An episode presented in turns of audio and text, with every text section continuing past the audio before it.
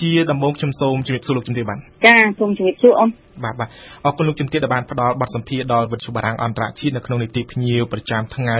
របស់យើងសម្រាប់រាត្រីនេះលោកជំទាវឃើញថាកាលពីថ្ងៃម្សិលមិញគឺខាងភៀកគីម៉ាឡេស៊ីតាមរយៈសារព័ត៌មាន Straits Times ហ្នឹងគឺបានដកស្រង់ការលើកឡើងរបស់បដិយុរដ្ឋមន្ត្រីម៉ាឡេស៊ីថាស្ត្រីជនជាតិអាមេរិកម្នាក់អាយុ83ឆ្នាំដែលសម្រាប់ព្យាបាលនៅមន្ទីរពេទ្យនៅម៉ាឡេស៊ីហ្នឹងគឺពេលនេះមិនមានមេរោគកូវីដ -19 ទៀតទេតើអ្វីជាប្រតិកម្មរបស់កម្ពុជាទៅនឹងការបញ្ជាក់ឡើងវិញនេះបាទ ចាខ្ញុំសូមជំរាបជូនថាក្រោយពីយើងបានឃើញចាបានឃើញការផ្សព្វផ្សាយព័ត៌មានស្ដីអំពីករណីអវិជ្ជមានឬក៏យើងអាចនិយាយថាករណីស្ត្រីជនជាតិអាមេរិកអាយុ83ឆ្នាំនេះมันមានវីរុសកូវីដ -19 នៅក្នុងខ្លួនទៀតនោះចាហើយក្រសួងសុខាភិបាលកម្ពុជា បានចេញនៅសេចក្តីប្រកាសព័ត៌មានរបស់ខ្លួនចាដែលចេញពីយប់មិញនេះគឺនៅថ្ងៃទី21ខែកុម្ភៈឆ្នាំ2020ភ្លាមតែម្ដងចាហើយខ្ញុំក៏សូមជំរាបជូនផងដែរថាមកទល់ពេលនេះក្រសួងសុខាភិបាលនៃប្រជាណាចក្រកម្ពុជារបស់យើងនេះมันมันតាន់ទទួលបាននៅការឆ្លើយតបជាផ្លូវការណាពីអញ្ញាធរម៉ាឡេស៊ីឬក៏ក្រសួងសុខាភិបាលម៉ាឡេស៊ី ទៅលើលិខិតស្នើសុំឲ្យមានការបញ្ជាក់ហើយនឹងភាពសុក្រិតសុក្រិតភាពនៃលទ្ធផលនៅពេលដែលអញ្ញាធម៉ាឡេស៊ីបានផ្សព្វផ្សាយព័ត៌មានអំពីករណីវិជ្ជមាននៅវីរុសកូវីដ19នេះលើខ្លួនស្ត្រីជនជាតិអាមេរិកអាយុ83ឆ្នាំនេះចានៅនៅប្រទេសម៉ាឡេស៊ីចា ប៉ុន្តែនៅពេលដែលយើងផ្ញើលិខិតនេះតាមរយៈក្រសួងការបរទេសនិងសហព័ន្ធការអន្តរជាតិរបស់យើងដោយមានលិខិតជាភាសាអង់គ្លេសជូនទៅអាយដាមរដ្ឋមន្ត្រីក្រសួងសុខាភិបាលម៉ាឡេស៊ីតែម្ដងនេះមកទល់ពេលនេះគឺយើងមិនទាន់ទទួលបានការឆ្លើយតបជាផ្លូវការណាមួយនោះនៅឡើយទេប៉ុន្តែទោះបីជាយ៉ាងណាក៏ដោយក៏ក្រសួងសុខាភិបាលនៃប្រជាណាចក្រកម្ពុជាបានដាក់ នៅចម្ងល់រួចទៅហើយតាំងពីមានការប្រកាសនៅលទ្ធផលវិជ្ជមានកូវីដ19 នៅលើខ្លួនស្ត្រីជនជាតិអាមេរិកអាយុ83ឆ្នាំនោះចា៎អញ្ចឹងនេះខ្ញុំសូមបញ្ជាក់ជូនថាលទ្ធផលដែលមានការប្រកាសក្នុងពេលថ្មីៗនេះដែលមានការចុះផ្សាយតាម Straits Times ហើយក៏មានអ្នកសារព័ត៌មាននៅក្នុងប្រទេសយើងជាច្រើនដែលគាត់បានផ្សព្វផ្សាយបន្តបន្តគ្នាមកនេះគឺបង្ហាញថានៅភាពមិនប្រក្រតីចានៃការធ្វើតេស្តហើយក៏វាជាការបង្កឲ្យមានការភ័ន្តច្រឡំក៏ដូចជាបង្កឲ្យមានការភ័យខ្លាចមួយកម្រិតថែមទៀតសម្រាប់ប្រជាពលរដ្ឋ មិនត្រឹមតែប្រជាពលរដ្ឋនៅក្នុងប្រទេសទេទាំងអ្នកដំណើរចាហើយក៏ប្រជាពលរដ្ឋដែលជាប្រជាពលរដ្ឋនៅក្នុងតំបន់ក៏ដូចជានៅលើសកលលោករបស់យើងនេះចាអញ្ចឹងការដែលប្រកាសបញ្ញាប់បញ្ញាល់ប្រកាសចេញពេកនេះក៏ធ្វើឲ្យមានការរើសអើងចានៅប្រកាសចេញនៅលទ្ធផលវិជ្ជមាននេះក៏បង្ហាញនៅការរើសអើងចាបង្កឲ្យមានការរើសអើង ហើយធ្វើឲ្យមានការកកស្ទះនៅអ្នកដំណើររបស់យើងនេះដែលគាត់មានសម្បត្តិយន្តហោះហើយហើយដែលគាត់ត្រូវវិលត្រឡប់ទៅផ្ទះសម្បែងរបស់គាត់វិញហើយដែលពួកគាត់ដែលក្រសួងសុខាភិបាលបានធ្វើតេស្តរហូតដល់1580នាក់នេះចាគឺគាត់មិនមានលទ្ធផលមានថាវិជ្ជមាននៅវីរុស COVID-19 នោះទេអញ្ចឹងការខកខានធ្វើដំណើរនេះវាធ្វើឲ្យមានការប៉ះពាល់បន្ថែមទៅទៀត ទៅដល់កិត្តិយសនិងសេចក្តីថ្លៃថ្នូររបស់មនុស្សជាតិក៏ដូចជារបស់ប្រទេសយើងហើយទន្ទឹមនឹងនោះក៏បង្កឲ្យមានការបង្កើនឡើងនៅការចំណាយដែលមិនចាំបាច់ទន្ទឹមនឹងនោះក៏ជាការបង្កឲ្យមានវិបត្តិមនុស្សធម៌ដ៏ធ្ងន់ធ្ងរមួយផងដែរដូច្នេះខ្ញុំយល់ថាខ្ញុំយល់ថាការប្រកាសលទ្ធផលវិជ្ជមានរបស់ប្រទេសម៉ាឡេស៊ីនេះក៏មិនគួរបញ្ញាបញ្ញាលប្រកាសពេកនោះទេដោយត្រូវតែមានការពិនិត្យឲ្យបានម៉ាត់ឆាត់ ពីព្រោះនៅក្នុងវិទ្យាសាស្ត្រវិទ្យាសាស្ត្របច្ចេកទេសរបស់យើងនេះយើងត្រូវតែជៀសវាងនៅការបង្ហាញលទ្ធផលមួយដែលយើងគិតថាវាអាចវានឹងអាចជាគេហៅថា false positive មានន័យថានៅពេលដែលធ្វើតេស្តនោះអឺបុគ្គលនោះគាត់មិនមានវីរុសនឹងទេប៉ុន្តែដល់ធ្វើទៅវាមានប្រតិកម្មមួយដែលវាទៅបំភាន់មានន័យថាទៅធ្វើឲ្យឃើញរបៀបដូចជាទៅវិជ្ជមាន ក៏ប៉ុន្តែជាក់ស្ដែងគឺបុគ្គលនោះមិនមិនវិជ្ជមានទេអញ្ចឹងកន្លែងនេះហើយគេត្រូវមានការប្រុងប្រយ័ត្នណាត្រូវតែមានការត្រួតពិនិត្យឲ្យបានច្បាស់លាស់នៅនីតិវិធីប្រតិបត្តិក្នុងការពិនិត្យវិភាគហើយក៏ដូចជាត្រូវតែមានការប្រុងប្រយ័ត្ននៅពេលដែលយកនៅវត្ថុសំណាក់ពីខ្លួន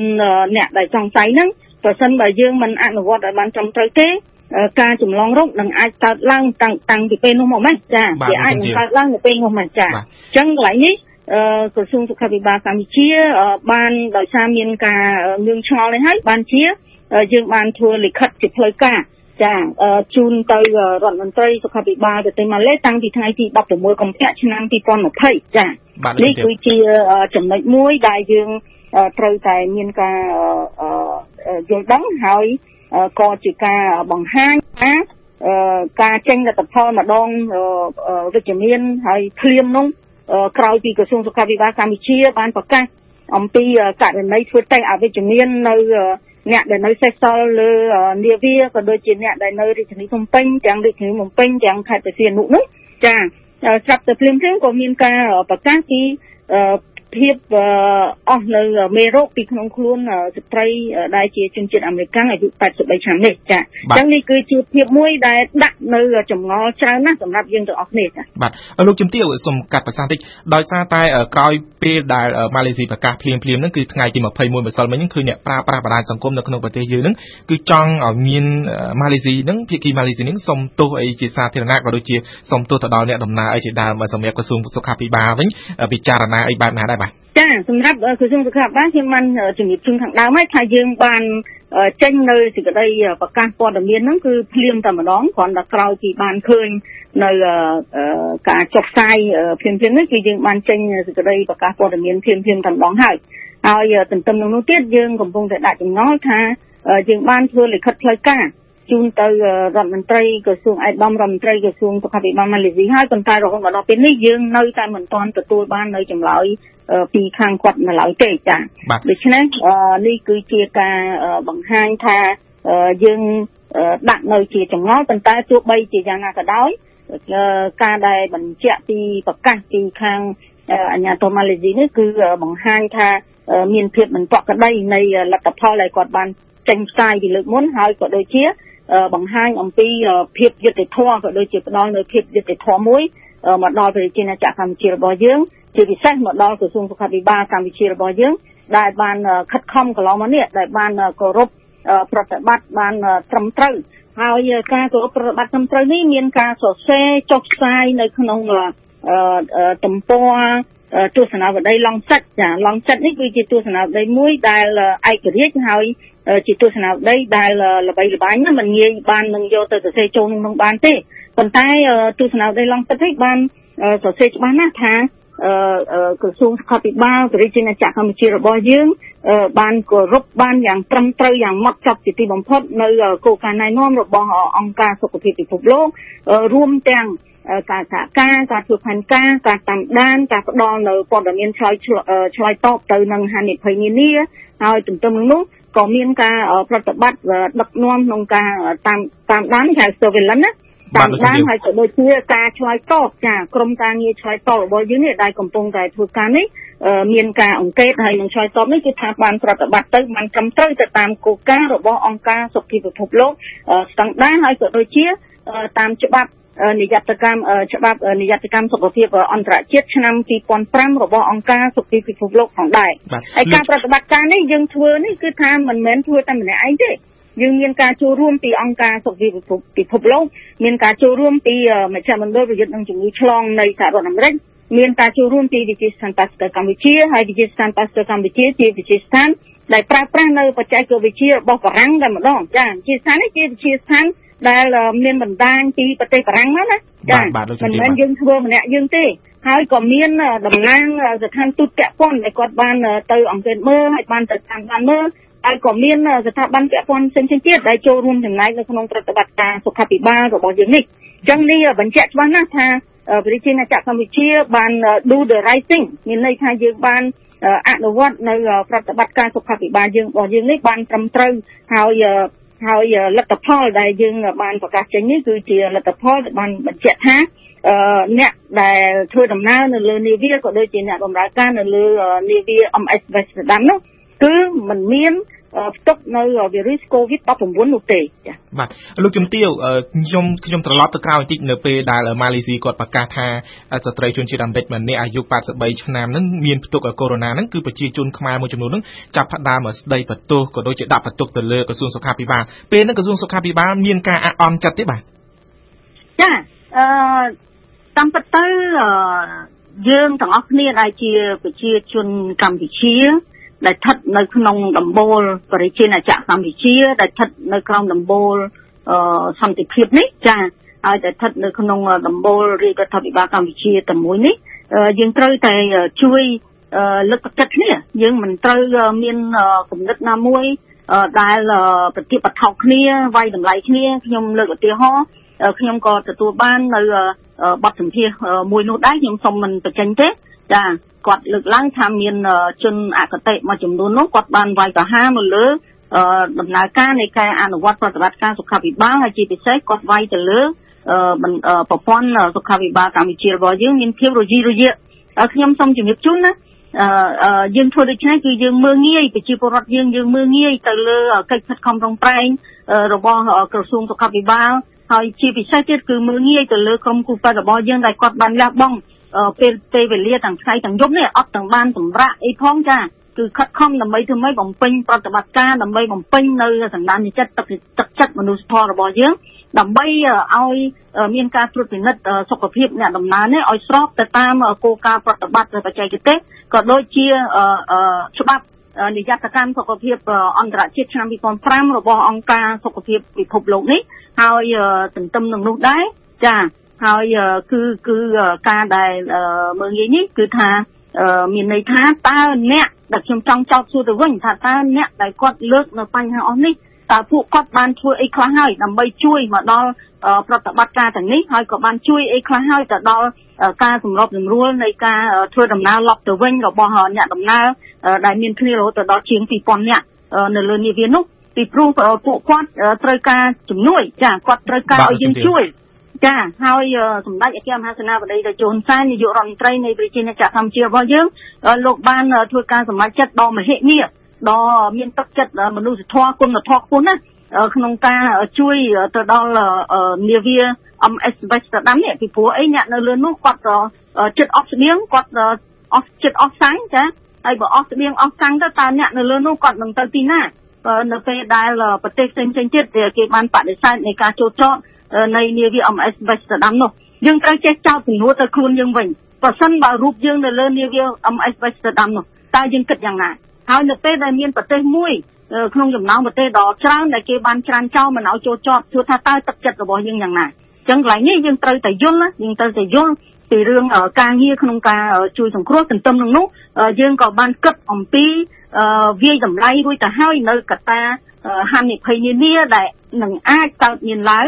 ចាដូច្នេះហើយបានជាយើងមានប្រតិបត្តិការសុខាភិបាលដោយមានការចូលរួមយ៉ាងជិតស្និទ្ធពីអង្គការសុខភាពពិភពលោកពីមជ្ឈមណ្ឌលប្រយុទ្ធទៅនឹងជំងឺឆ្លងនៃសហរដ្ឋអាមេរិកពីវិទ្យាស្ថាន Pasteur កម្ពុជាពីស្ថាប័ន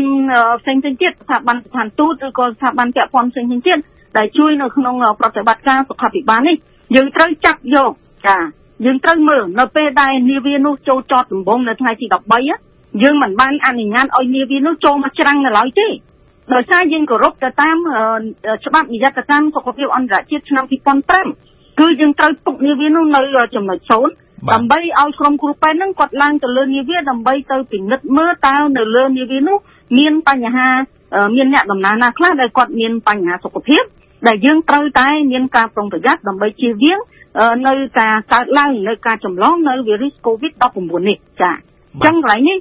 យើងបានអនុវត្តត្រឹមត្រូវណាចាយើងអត់មានបញ្ហាអីដែលពាក់ព័ន្ធទៅលើបញ្ហាប្រតិបត្តិការរបស់សុខាភិបាលហើយទន្ទឹមនឹងនោះទៀតនេះឡងឆាត់នេះគាត់បានបញ្ជាក់ច្បាស់ហើយចាគឺប្រតិបត្តិការសុខាភិបាលរបស់យើងគឺយើងបានធ្វើដោយមាន best practices មានន័យថាយើងបានអនុវត្តយ៉ាងបានល្អប្រសើរបំផុតទៅតាមអ្វីដែលយើងកំពុងធ្វើដែលបានធ្វើ ហើយក៏ទៅតាមគោលការណ៍ណែនាំរបស់អង្គការសុខភាពពិភពលោកដូច្នេះបានជាគេសរសេរថាគេដាក់ថា Cambodia has done the right thing ឃើញទេមានន័យថាគេថាប្រជាណាចក្រកម្ពុជារបស់យើងបានអនុវត្តនៅកិច្ចការមួយដ៏ត្រឹមត្រូវជាទីបំផុតចា៎ បាទលោកជំទាវសំណួរចុងក្រោយមួយទៀតដោយសារតែ COVID-19 ហ្នឹងគឺនៅតាមប្រទេសផ្សេងផ្សេងនៅក្នុងតំបន់អាស៊ីក៏ដូចជាចិនហ្នឹងគឺហាក់ដូចជាមិនទាន់តែថមថយនៅឡើយតើក្រសួងសុខាភិបាលកម្ពុជានឹងមានចំណាត់ការអ្វីបន្តទៀតទេមានវិធានការអ្វីបន្តទៀតទេនៅក្នុងប្រទេសយើងនេះបាទចាខ្ញុំសូមជម្រាបជូនថាក្រសួងសុខាភិបាលនៃប្រជាណាចក្រកម្ពុជាយើងអត់មានតន់ហៅថាដកថយនេះទេចាហើយពីម្សិលមិញនេះហើយព្រឹកមិញនេះ ក្រសួងសុខាភិបាលក៏បានប្រកាសជូនព័ត៌មានស្ដីពីលទ្ធផលនៃកិច្ចប្រជុំក្រុមការងារឆ្លើយតបការចម្លងវីរុស COVID-19 នេះជាលើកទី3ចាយើងបានផ្សព្វផ្សាយរួចហើយហើយយើងបានជជែកគ្នាល្អល្អណាស់ក្នុងការបន្តហើយក៏ដូចជាពង្រឹងបន្ថែមទៀតនៅយន្តការនៃការតាមដានក៏ដូចជាការងារចតាលេសានៅតាមច្រក ចេញចូលនៅក្នុងប្រជាណាចក្រកម្ពុជារបស់យើងជាពិសេសគឺច្រកអន្តរជាតិនេះចាច្រកជិះអន្តរជាតិទាំងជើងហោះហើរទាំងតាមដីគោកដែលយើងបានភាគច្រើននៃច្រកយើងបានបំពាក់នៅម៉ាស៊ីនស្កិនកម្ដៅហើយនៅច្រកមួយចំនួនទៀតយើងប្រើម៉ាស៊ីនស្កិនកម្ដៅដល់យើងបាញ់ដៃចា ហើយទន្ទឹមនឹងនោះដែរយើងនឹងយើងយើងរៀបចំនៅក្នុងផែនការរបស់យើងនេះនឹងមានការបន្តបណ្ដាលទៅដល់ធនធានមនុស្សរបស់យើងជាបន្ថែមទៀតដើម្បីឲ្យគាត់កាន់តែមានចំណេះជំនាញក្នុងការឆ្លើយតបក៏ដូចជាជួយទៅដល់បងប្អូនប្រជាពលរដ្ឋរបស់យើង ប្រសិនបើខ្ញុំប្រាប់ពាក្យហ្នឹងណាថាប្រសិនបើនឹងអាចមានហេតុការណ៍ដែលកើតឡើងជាយថាហេតុ ទន្ទឹមនឹងនោះយើងក៏មានគម្រោងការក្នុងការផ្ដល់នូវព័ត៌មានក៏ដូចជាបណ្ដុះបណ្ដាលទៅដល់អ្នកសារព័ត៌មានរបស់យើងផងដែរឥឡូវយើងកំពុងតែចាត់ចែងរៀបចំប៉ុន្តែវាត្រូវការពេលវេលាបន្តិចដើម្បីឲ្យយើងរៀបចំហើយយើងនឹងពិនិត្យមើលទៅលើការចៅ logistic មានន័យថាពិនិត្យមើលតើអ្វីដែលយើងបានប្រើប្រាស់ហើយអ្វីដែលយើងត្រូវបំពេញបន្ថែមហើយទន្ទឹមនឹងនោះយើងត្រូវតែរៀបត្រៀមលក្ខណៈឲ្យមានសម្ភារៈបរិក្ខារពេទ្យជាពិសេសឱសថចាំបាច់ចាំបាច់សម្រាប់ ទុកប្រើប្រាស់នៅក្នុងករណីដែលមានតម្រូវការចាំបាច់បំផុតនោះចាហើយទន្ទឹមនឹងទៀតយើងក៏បានស្នើសុំឲ្យអង្គការសុខភាពពិភពលោកនេះជួយសម្របសម្រួលក្នុងការផ្ដល់នៅបទពិសោធន៍ពីសាធារណរដ្ឋប្រជាមានិតចិននៅលើការព្យាបាលដោយប្រើប្រាស់នៅឱសថ chloroquine phosphate ចា chloroquine phosphate នេះ ដែលយើងឃើញមានការផ្សព្វផ្សាយថានៅសាធារណរដ្ឋជាចិនគេបានប្រើប្រាស់នៅឱសថប្រភេទនេះសម្រាប់ពិនិត្យព្យាបាលអ្នកជំងឺដែលមាន COVID-19 ហ្នឹងអញ្ចឹងយើងកំពុងតែធ្វើការជាមួយអង្គការសុខភាពពិភពលោក ដើម្បីរៀនសូត្រដកស្រង់របស់ពិសោធន៍មួយចំនួនថែមទៀតទន្ទឹមនឹងនោះសាកលវិទ្យាល័យជាសាស្ត្រសុខាភិបាលរបស់យើងនេះក៏កំពុងតែសហការជាមួយនឹងសាធារណរដ្ឋប្រជាមានិតចិននិងដៃគូផ្សេងៗទៀតក្នុងការធ្វើ research មានន័យថាក្នុងការធ្វើការសិក្សាស្រាវជ្រាវ documentation មានន័យថាសរសេរជាឯកសារដើម្បីទុកជាគួលសម្រាប់ប្រើប្រាស់ទៅនៅមុខទៀតនេះចានៅនីតិវិធីក្នុងការព្យាបាលក៏ដូចជាបទពិសោធន៍ ដែលយើងបានអនុវត្តកន្លងមកហើយនេះនៅលើការត្រួតពិនិត្យការព្យាបាលនៃអ្នកជំងឺ COVID-19 ចាហើយនឹងកិច្ចការសហប្រតិបត្តិការមួយចំនួនទៀតដែលយើងត្រូវធ្វើគួបផ្សំជាមួយនឹងការហៅថាចល័តនៅគេ mobilization of resources មានន័យថាការហៅថាហៅថាចល័តនៅធនធាននេះចាដើម្បីឲ្យមានការត្រៀមលក្ខណៈជាមុននៅក្នុង របៀបដែលយើងហើយក៏នៅក្នុងនីតិវិធីដែលយើងកំពុងតែប្រតិបត្តិហើយយើងអំពាវនាវបន្តទៀតសូមឲ្យបងប្អូនប្រជាពលរដ្ឋរបស់យើងនេះធ្វើក្បិតតែមកទល់ពេលបច្ចុប្បន្ននេះប្រជាណាចក្រកម្ពុជារបស់យើងមិនទាន់រកឃើញថាប្រជាពលរដ្ឋកម្ពុជាណាម្នាក់មានផ្ទុកនៅ COVID-19 ក៏ពិតមែន ក៏ប៉ុន្តែយើងមិនត្រូវភ្លេចខ្លួនយើងត្រូវតែបន្តនៅការប្រុងប្រយ័ត្នរបស់យើងបុគ្គលគ្រប់គ្រប់រូបត្រូវតែបន្តនៅវិធានការការពារផ្ទាល់ខ្លួនដោយអនុវត្តនៅវិធានការសាមញ្ញសាមញ្ញដែលក្រសួងសុខាភិបាលបានរំលឹកហើយរំលឹកទៀតតែថារំលឹកចាំចាណាចាវិធានការទាំងនោះគឺថាមានឲ្យលាងដៃជាប់ជាប្រចាំជាមួយនឹងសាប៊ូឬក៏អាកុលលាងដៃឬក៏ gel លាងដៃហ្នឹងចាឲ្យបានញឹកញាប់ជាទីបំផុតហើយបរិភោគនៅអាហារដែលឆ្អិនល្អចា ជៀសវាងអាហារឆាឆៅអានឹងមិនកើតទេចាបរិភោគអាហារឲ្យឆ្អិនល្អមែនទែនដើម្បីជៀសវាងមិនត្រឹមតែជំងឺ Covid-19 ហ្នឹងទេជំងឺឆ្លងផ្សេងៗទៀតហើយនឹងការជៀសវាងនៅការពុលចំណីអាហារផងដែរចាហើយក្នុងនោះបើសិនបើបងប្អូនប្រជាពលរដ្ឋរបស់យើងគាត់មានបញ្ហាសុខភាពគាត់មានចង្អុលអីគាត់អាចចាក់តងបានទៅលេខទូរស័ព្ទតនហេតុការដែលក្រសួងសុខាភិបាលបានប្រកាសរួចហើយនោះគឺលេខ115ចា លេខ115ដែលបងប្អូនយើងអាចធ្វើទំនាក់ទំនងបានគ្រប់ពេលវេលាទាំងអស់ចា៎បាទដោយសារតែអស់ពេលហើយខ្ញុំសូមបញ្ចប់បទសម្ភាសជាមួយលោកជំទាវអវ៉ាន់ឌិនត្រឹមតែប៉ុណ្ណេះសិនសូមជំរាបជូនមិត្តដែលស្ដាប់ថាលោកជំទាវអវ៉ាន់ឌិនគឺជារដ្ឋលេខាធិការនិងជាអ្នកនាំពាក្យក្រសួងសុខាភិបាលកម្ពុជាខ្ញុំសូមអរគុណនិងសូមជម្រាបលាបាទចាអរគុណច្រើនសូមជូនពរដល់បងប្អូនជាពលរដ្ឋឲ្យមានសុខភាពល្អទាំងអស់គ្នាចាសូមជម្រាបលា